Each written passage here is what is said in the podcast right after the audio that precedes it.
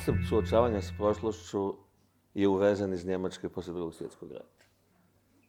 Isprva, neposredno poslije Daytona, taj koncept je na jedan vrlo površan način promovisan kod nas. Ljudi su odlazili u Njemačku, viđali po Berlinu i po drugim gradovima obilježna mjesta odakle su odvođeni jevreji. I onda su pravili paralele, vidiš kako se Njemci suočili, a mi nismo. To je naravno bila vrlo problematična postavka, prvenstveno što se tiče tajminga. U tom momentu drugi svjetski rat ili holokaust je udaljen preko 50 godina, a naš rat udaljen 4-5 godina. Ljude to nije zanimalo. Jedna od najčuvenijih stručnjakinja za holokaust, britanska istoričarka Mary Flux, je izračunala da je u Njemačkoj neposredno u holokaustu, znači direktno učestvovala na ovaj ili na onaj način oko milion ljudi. Znači nije milion ljudi ubijalo, ali je bilo dio Wehrmachta, dio Gestapoa, dio ovih ili onih organizacija koje su učestvovale u holokaustu. Do 2000. ona tu pravi granicu. U 55 godina osuđeno je oko 6.500 ljudi. Od tih 6.500 ljudi, gotovo 5.000, ili ako hoćete tačno u broj, 4.993, su osuđeni na kazne manje od dve godine zatvora, a broj ljudi za učestvovanje u holokaustu, koji je osuđen za ubijstvo ili masovno ubijstvo, je 164. Samo na sudu Bosne i Hercegovine, po istraživanjima jednog bosansko-hrvatskog stručnjaka Gorana Šimića, je već osuđeno 913 ljudi za ratne zločine. Ja se nadam da mi nećemo upast u tu vrstu megalomanije, da uopšte poredimo holokaust i naš mali građanski, prljavi, ružni, ali u suštini jedan rat koji u odnosu na drugi svjetski rat izgleda kao kafanska tuča. Mi smo upali u situaciju da koncept suočavanja sa prošlošću treba da usvajamo iz jednog drugog konteksta. A taj kontekst koji nam je nametnut, i ovo je ključna stvar koju želim da kažem, možda sam zbog te stvari došao ovde, a imao je fabričku grešku, da u ideji iznošenja vlastitog iskustva jedan glas nije imao pravo da se čuje. I evo, ajde, ja ću zaista da napravim jednu ad hoc analizu ove same knjige. U ovoj knjizi postoji 15 naručenih priča. Od tih 15 naručenih priča, četiri su naručene od bošnjačkih pisaca, tri su naručene od hrvatskih pisaca, tri su naručene od srpskih pisaca i po jedna je naručena od slovenačkog, makedonskog, crnogorskog, albanskog i mađarskog pisca. To je čak u redu, to je pokušaj da se uhvati jedna jugoslovenska cijelina. Ali pazi, vrlo indikativno da u toj selekciji srpskih pisaca koje govore kako je njima počeo rat, vi imate Srđana Srdića iz Kikinde, imate Mirjanu Đurđević iz Beograda i imate to respekt, moram da priznam, Tanju Stupar Trifunović iz Zadra. Zašto vi u toj selekciji nemate Vladimira Tabaševića iz Mostara, koji je 86. godište, čije iskustvo kako mu je počeo rat, sigurno relevantnije od nekih od. Zašto nemate Vuleta Žurića, koji je 69. godište, koji je iz Sarajeva, iz miješanog braka, koji početkom rata odlazi kao prevodilac umprofora u žepu. A, zato što njihov glas u tom konsenzusu nema jednaku vrijednost kao drugi glasovi. Zato što se srpski glas može da čuje jedino ako je aberatan u odnosu na dominantnu matricu srpskog društva. Ako hoćeš i tako, zato što se mišljenje Teofila Pančića o savremenom srpskom društvu i o uzrocima rata u odnosu na maticu društva u kojem živi neuporedivo više razlikuje od mišljenja Damira Markovine u odnosu na mainstream hrvatskog društva. Ja ne kažem da Damir Markovina se u svemu slaže sa... Dragan Markovina, da izvini. Ovaj, da se u svemu slaže sa šta znam Andrejem Plenkovićem. Ali u dominantnoj ideji o velikoj srpskoj agresiji, o legitimnosti oluje i o svemu tome, kako bi rekao, ta mišljenja su identična. Ovdje je Muharem iznio cijeli niz meni problematičnih mjesta. ovaj, odnosno nije on ništa slagao, osim da ja mislim da nije ovo bio samo građanski rat, nego je bio i građanski rat uz agresiju. U prvom dijelu se slažem i doći na to, ali krenut ću s što se ne ti se postavljaš kao da je forum CDF ili bilo koja slična fondacija ili dokumenta ili, ili neko sličan, mainstream, e, ti ljudi e, od Teofila e, nadalje, kojeg si eksplicitno spomenuo, a nema ga u ovoj knjizi, ovaj, su marginalni glas u ovom društvu. Baš to što si rekao. Dakle, prostor za Vuleta, za Tabaševića, dakle, kreva za tebe koji, eto, nisi etnički srbin, ali manje više govoriš ono što, što bi sad rekao i Tabašević da sjedi tu, ovaj, je otvoren širom u svim mainstream prostorima. I sad da se još tom narativu otvori i ovaj jedini marginalni prostor koji je ostao, mi se čini malo cinično da se to traži. To je jedno. A drugo, e, se slažem da je koncept suočavanja s prošlošću uveden, uvezen ovaj, na jedan copy-paste način iz e, Njemačke konkretno, ako, ako o tome govorimo. Međutim, ovaj, e, i tu ću ja biti heretik u odnosu na moje blisko mišljenike ovaj, na ovoj našoj strani, ajmo je tako nazvat. Što ja mislim da razgovor nas 100 ljudi, 200, hiljadu ljudi koji isto razmišljamo, a nismo uspjeli probiti nigdje van tog kruga ljudi, u suštini više ne donosi ništa. I ne samo to što ne donosi, nego što je što je to jedna laž strukturalna. Ovdje svi znamo šta se desilo. Ne znamo u detalje, ne, naravno ne znamo u svakoj sredini doslovno šta je bilo, ali svi znamo šta se u ovim ratovima, ako ćemo izvati u množini, za jugoslavensko nasljeđe ili kako god ih želimo zvati, desilo. Problem je što ogroman broj građana ovih zemalja, sad postoci su različiti, u svakoj od država post Jugoslavije, ne, e, to podržava, a nemaju, ipak imaju dovoljno moralne svijesti da, da ne kažu da podržavaju zločine, pa onda tvrde da ih nije ni bilo. Dakle, mi ovdje imamo ciničnu zajednicu ljudi koji apsolutno znaju šta se u ovom ratu događalo, ali odbijaju priznati. To naravno mislim da kako god to vama sad zvuče, najvećem postotku vrijedi za Srbiju, u prilično velikom postotku vrijedi za Hrvatsku i Bosnu i Hercegovinu i u svim kontekstima, ali je to tako. I evo da sad, ajde, kako ja živim ili sam živio godinama u Splitu, svi u Splitu znaju što je bilo u Lori.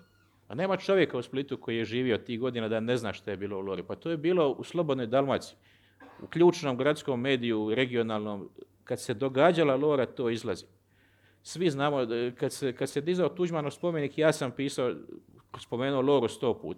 I šta se dogodi, dođe SDP na vlast i postavi spomenik onoj vojnoj jedinici koja je mučila ljude u Lori ispred Lore. Ne zato jer oni misle da se nije u Lori ništa događalo, nego upravo da kažu znamo da se događalo i zato ćemo staviti spomenik, ali neće to reći, nego će reći herojski ovi ili oni. Dakle, Hoću da kažem, koncept suočavanja s prošlošću je propao zato što se ovdje svi suočili s prošlošću, ali mnogi podržavaju zločin. A činjenica da je svako imao pravo i mogućnost e, javiti se na anonimni konkurs, kao i gospodin Bazdulj, i ako je zadovoljio sa svojom kvalitetom biti uvršten u e, knjigu za što garantiram milion posto, iako smo iz naših krugova nekih e, kritizirani zato što znači, ljude koji se ne slažu kao s nama u ovom nekom javnom diskursu uvrštavamo knjige, ali zovemo gospodina Bazulja da ovdje priča, ja ću znači, do kraja uvijek braniti apsolutno e, svačije pravo da kaže ono što želi i braniti, odnosno zalagati se zato da gospodin Bazdu dolazi i e, ljudi s kojima se ne slažemo oko nekih stvari na ovakve događaje, ali smatram da je to vrijednost. Kako će se ovaj, i gospodin Bazulj i neki drugi koristiti to vrijeme s kojim imamo da razgovaramo o tim stvarima, to je na svakom od nas. A druga stvar, samo što smatram da je jako onako niska i e, moram na to odgovoriti, a to je ta jedna vrsta diskvalifikacije na, na razini nametanja, suočavanja s prošlošću neki koncept nametanja izvana. Ja radim za forum ZFD koji je njemačka organizacija, radio sam prije u dokumenti. To je jedna diskvalifikacija koja znači, ne kritizira se nečiji rad ili ne, ne može se naći nešto problematično što sam ja rekao, pa se onda ide kritizirati da sam ja na neki način, meni je nešto nametnuto ili sam ja nečiji igrač. Činjenica da je koncept suočavanja s prošlošću nastao u Njemačkoj i da smo ga mi preuzeli na neke naše načine. Šta smo mi od njega uspjeli dobiti ili ne dobiti, to ovisi svakom od nas. Nama se sva zla dešavaju bez razloga. Nikad se ništa, nikad ništa nema uzrok. Sjetite se kad je bilo bombardovanje. 99. Taj neki dominantni diskurs, dakle, ja ne kažem, e, e, sad ne ulazim u to, sad kažem, jo, neka, super što su nas bombardovali. Ne govorim o tome. Nego hoću da kažem da se e, ogromna većina, ne samo ono u nekom svakodnevnom govoru, nego ste pratili medijski govor, intelektualni i tako dalje, ljudi su se ponašali kao da je 90. godina na celom Balkanu vladao mir i sve je bilo super i sve je bilo idealno, a onda iz nekog potpuno misterioznog razloga, kao u nekom SF spektaklu invazije vanzemaljaca, onda je došao neki NATO i počeo Srbiju miroljubivu, divnu i krasnu da bombarduje. To ti sa olujom isto. Dakle, 95. godina je veliko čišćenje Hrvatske od Srba. Ali 91. godina je veliko čišćenje krajine od Hrvata. Dakle, ti iste teritorije koje su Srbi napustili 95. Hrvati su napustili. Dakle, isto tako isterani četiri godine ranije. Ako sam ja neko ko je u tom smislu jako daleko od mainstreama u, ovom društvu, onda je to samo zato što ja stalno insistiram na onim mestima koja su u tom smislu najproblematičnija za zemlju u kojoj živim, a ne za neku drugu, jer je uvek lako kritikovati neku drugu, jeli, susednu. Ali nikada ne zaboravljam i kontekst onih drugih. Ja ne ispisujem a, hiljade tekstova protiv srpskog nacionalizma da bih se divio hrvatskom nacionalizmu, ili bošnjačkom, ili albanskom, ili ne znam kojem. Rezultat toga je to da ljudi s kojima se volim i poštujem u Hrvatskoj, u Bosni, nikada nisu tamošnji nacionalisti. Nikada nisu tamošnji desničari. Nego su uvek oni ljudi koji su tamo u tim sredinama isto tako prokazani. I isto tako oni koji su negde na nekoj, sad da li je neko na jačoj margini, neko na slabijoj margini, sada uzmemo metar pa da merimo, ali u osnovi, dakle, to su ti ljudi. Ovo je jako zanimljivo što je Teofil rekao i to za Kninsku krajinu stoji. Bila je Škabrnja, bilo je Kijevo, to niko. Ali mnogo mi je drago da je spomenuo Dragan u ovoj svojoj lirskoj, zavičajnoj priči Žitomisliće i Prebilovce. Dakle, ti imaš uh, dva sela koja su u dva rata. Dakle, to nije sad neka retribucija. U oba rata ti ljudi tu žive mirno ne ubijaju nikog i onda delo se i u oba ta rata ta dva sela bivaju potpuno zbrisana s lica zemlje. Zato ja govorim ko ima pravo na glas. Tragično je za naš, ovaj, opet kažemo, u našu kafansku tuču. Da je možda prvi put sistematski ratno silovanje kaženo kao ratni zločin. I kaženo između ostalog za svjedočenje dvije žene koje se zovu Nusrta Sivac i Jadranka Cigelj iz Prijedora, koje su srpske vojne, paravojne, policijske snage, kako hoćeš silovale. To je nešto najodvratnije što postoji. I hvala Bogu da je to kažnjeno i da je uticano i to. Međutim, u isto to vrijeme, u logoru Dretelj, kod Čapline, paravojna formacija HOS, sastavljena od bošnjačkih hrvatskih snaga, siluje jednu ženu iz konjica koja zove Olga Draško. Ako hoćeš, jedan od mojih motiva učešća u javnom životu je da kažem da silovanje Olge Draško nije manji zločin od silovanja Jadranke Cigelj Nusrete Sivac. I u toj cijeli, ja hoću da kažem, što je Krleža rekao, u građanskom ratu ni grobovi nisu ravnopravni. U građanskom ratu žrtve nisu ravnopravne. I jedan, bukvalno, ja ovo ne radim, meni ovo, sve što radim u životu, više problema nanijelo nego što mi je donijelo sreće. Ali imam neki motiv da ako mogu ja dam glas nekom ko glas nema, a ovde ima puna je, puna je, pun je dočal plac ljudi koji će dat glas ovima koji glas već imaju. familija moje bake po majci je iz Čapljine i mnogi su ubijeni u tim prebilovcima ovaj, od Ustaša eh, na početku drugog svjetskog rata i to je točno za taj dio. E, naravno da su Srbi stradali u dolini Neretve kao najslabiji u, tom času. Međutim, isto tako je točno da su 91. 92. godine tamo dizali barikade e, istovremeno, dakle, po, cijelom Čapljinskom kraju, da su im dolazili ljudi iz HBA i rekli dajte, za Boga, malo vas je, nema smisla to radite i, da, i onda je sve se to dogodilo što ti kažeš. Dakle, nije, od 92. nije baš palo s Marsa, 41. jest. A sad da se vratimo na hrvatsko-srpske odnose, e, ja mislim da su oni bizarno e, drugčiji u svakom od konteksta.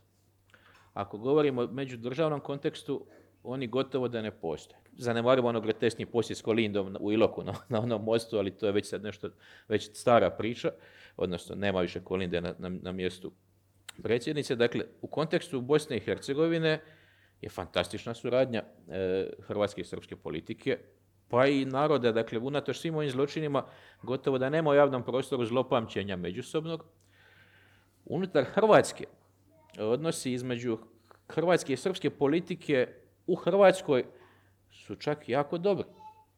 Dakle, Pupovac je u koaliciji već ne znam kojoj, trećoj sa, e, sa HDZ-om. Naravno, ja znam zašto je, ima logike zašto je i sve je jasno zašto je. Unutar pop kulture je nevjerojatno.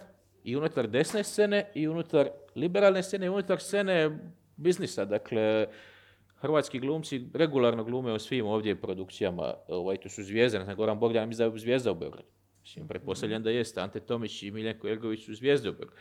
Dakle, na toj čisto tržišnoj razini i razini nekakvog e, pop kulturnog prihvaćanja, odnosi su savršeni. Tako da kad pričamo, e, i, ali postoji nešto što temeljno razlikuje ta dva društva, pa ja čak mislim na štetu Hrvatske, iako izlazi iz bolje pozicije Hrvatske. A to je činjenica da je Hrvatska članica Europske unije i NATO-a i da je hrvatski nacionalizam sam po sebi ostvario sve svoje ciljeve i da Hrvatsku suštinski nije briga šta se događa u ostalim jugoslavenskim zemljama. Realno prosječno građanina Hrvatske Hrvata kad pitate, njega savršeno zanima šta je u Sarajevu, šta je u Beogradu, on smatra da je on taj kontekst nadišao, da je to iza njega, da je to neki Balkan, dočim ljude u Srbiji i u Bosni i Hercegovini jako i dalje zanima prostor regije, na ovaj ili onaj način o tome razgovaraju i ja mislim da je to bolje, jer, jer ipak razmi, pa makar razmišljao naopako, razmišljaš o nečemu što te najbliže okružuje, Hrvatska je u mentalnom smislu digla zid.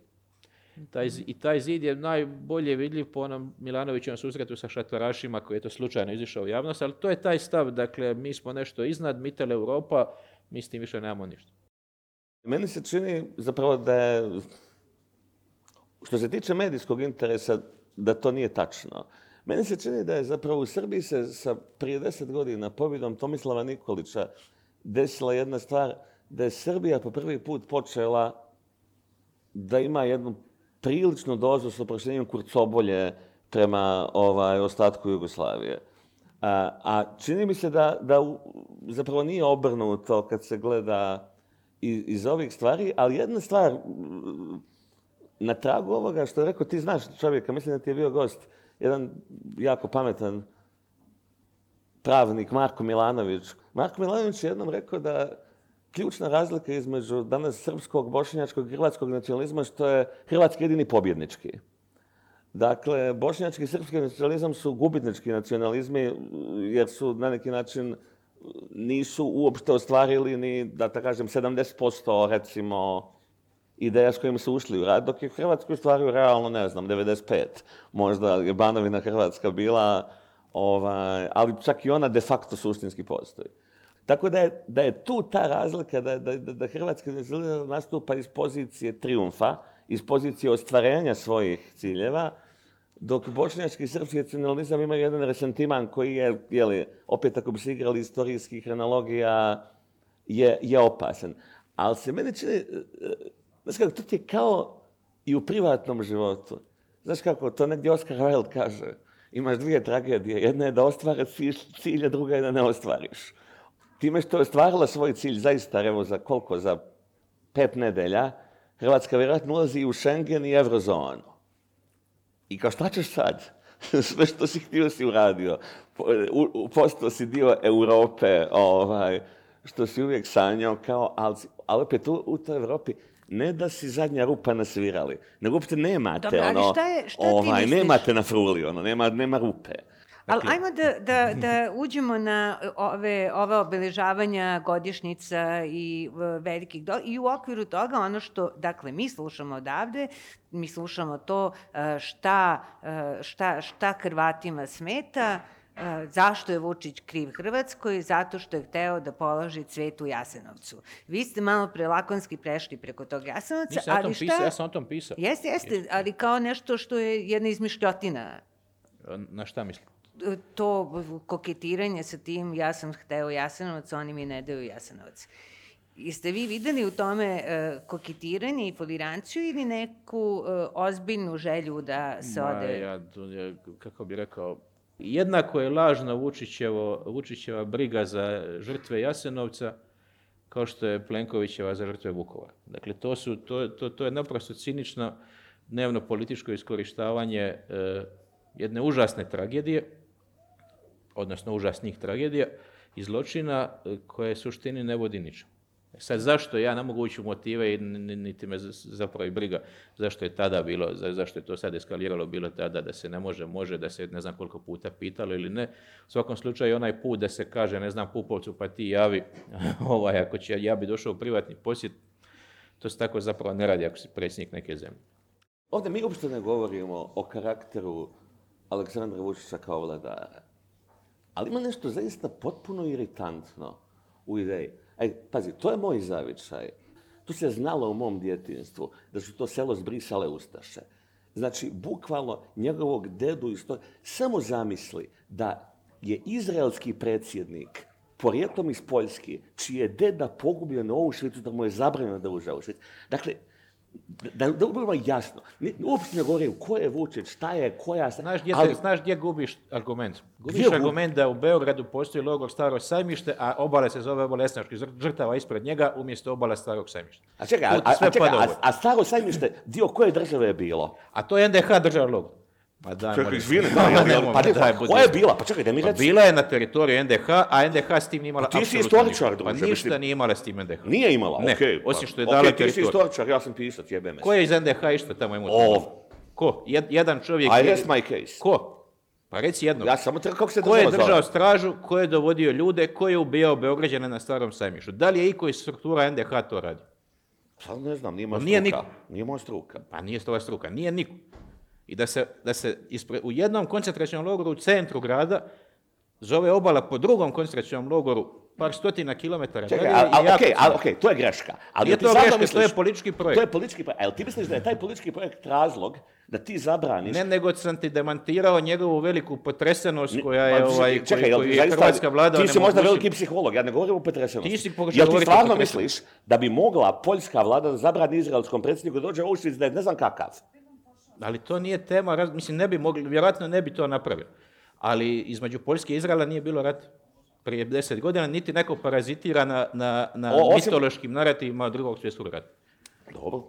Imam pitanje za gospodina Bazdulja, zato što me m- muči me nešto što je rekao o, relativno na- rano u ovoj sesiji, a to je pitanje e, znači da se on na neki način u svom javnom djelovanju trudi, e, trudite se znači e, na neki način boriti za žrtve čiji glasovi nisu, e, nisu se čuli, odnosno nisu svi grobovi isti.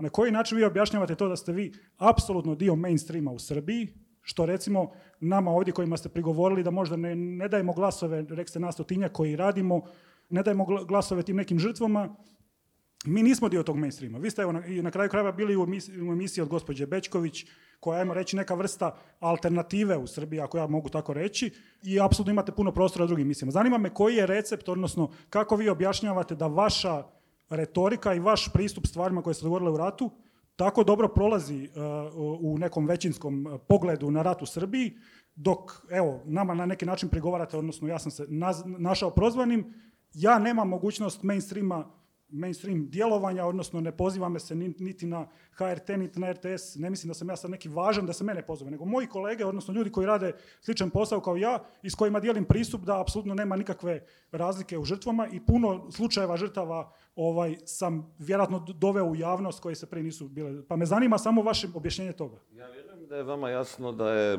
kao i svakom drugom čovjeku, način na koji njega drugi ljudi doživljavaju misterija. Ja vam samo želim recimo ukazati, ako me to pitate, da je najprije u politici, pa u službenom glasniku, izašao moj tekst Život i smrt Merdina Hođića o ubistvu 17 ljudi u autobusu iz Sjeverina. Tri godine prije toga, dok sam živio u Sarajevu, napisao sam tekst o smrti oca doktora, ovoga, doktora, doktor Jovan bio Saša Radulovića oca. Znači, u politici sam pisao o ubistvu, o ubistvu muslimana iz Sjeverina, a u oslobođenju sam pisao o ubistvu Srba u Drvovoljačkoj. Ako to u nekoj sredini mene učini dijelom ministrima, ja mislim da to je kompliment za tu sredinu. Ali ako vi meni ovdje, a to, to je ono što meni se ovdje čini malo sad neprijatnim, gdje vi meni ovdje na jedan pasivno-agresivni način pokušavate da kažem da se ja udvaram ovoj sredini, ja bih volio ovaj, kao da, da mi kažete čime.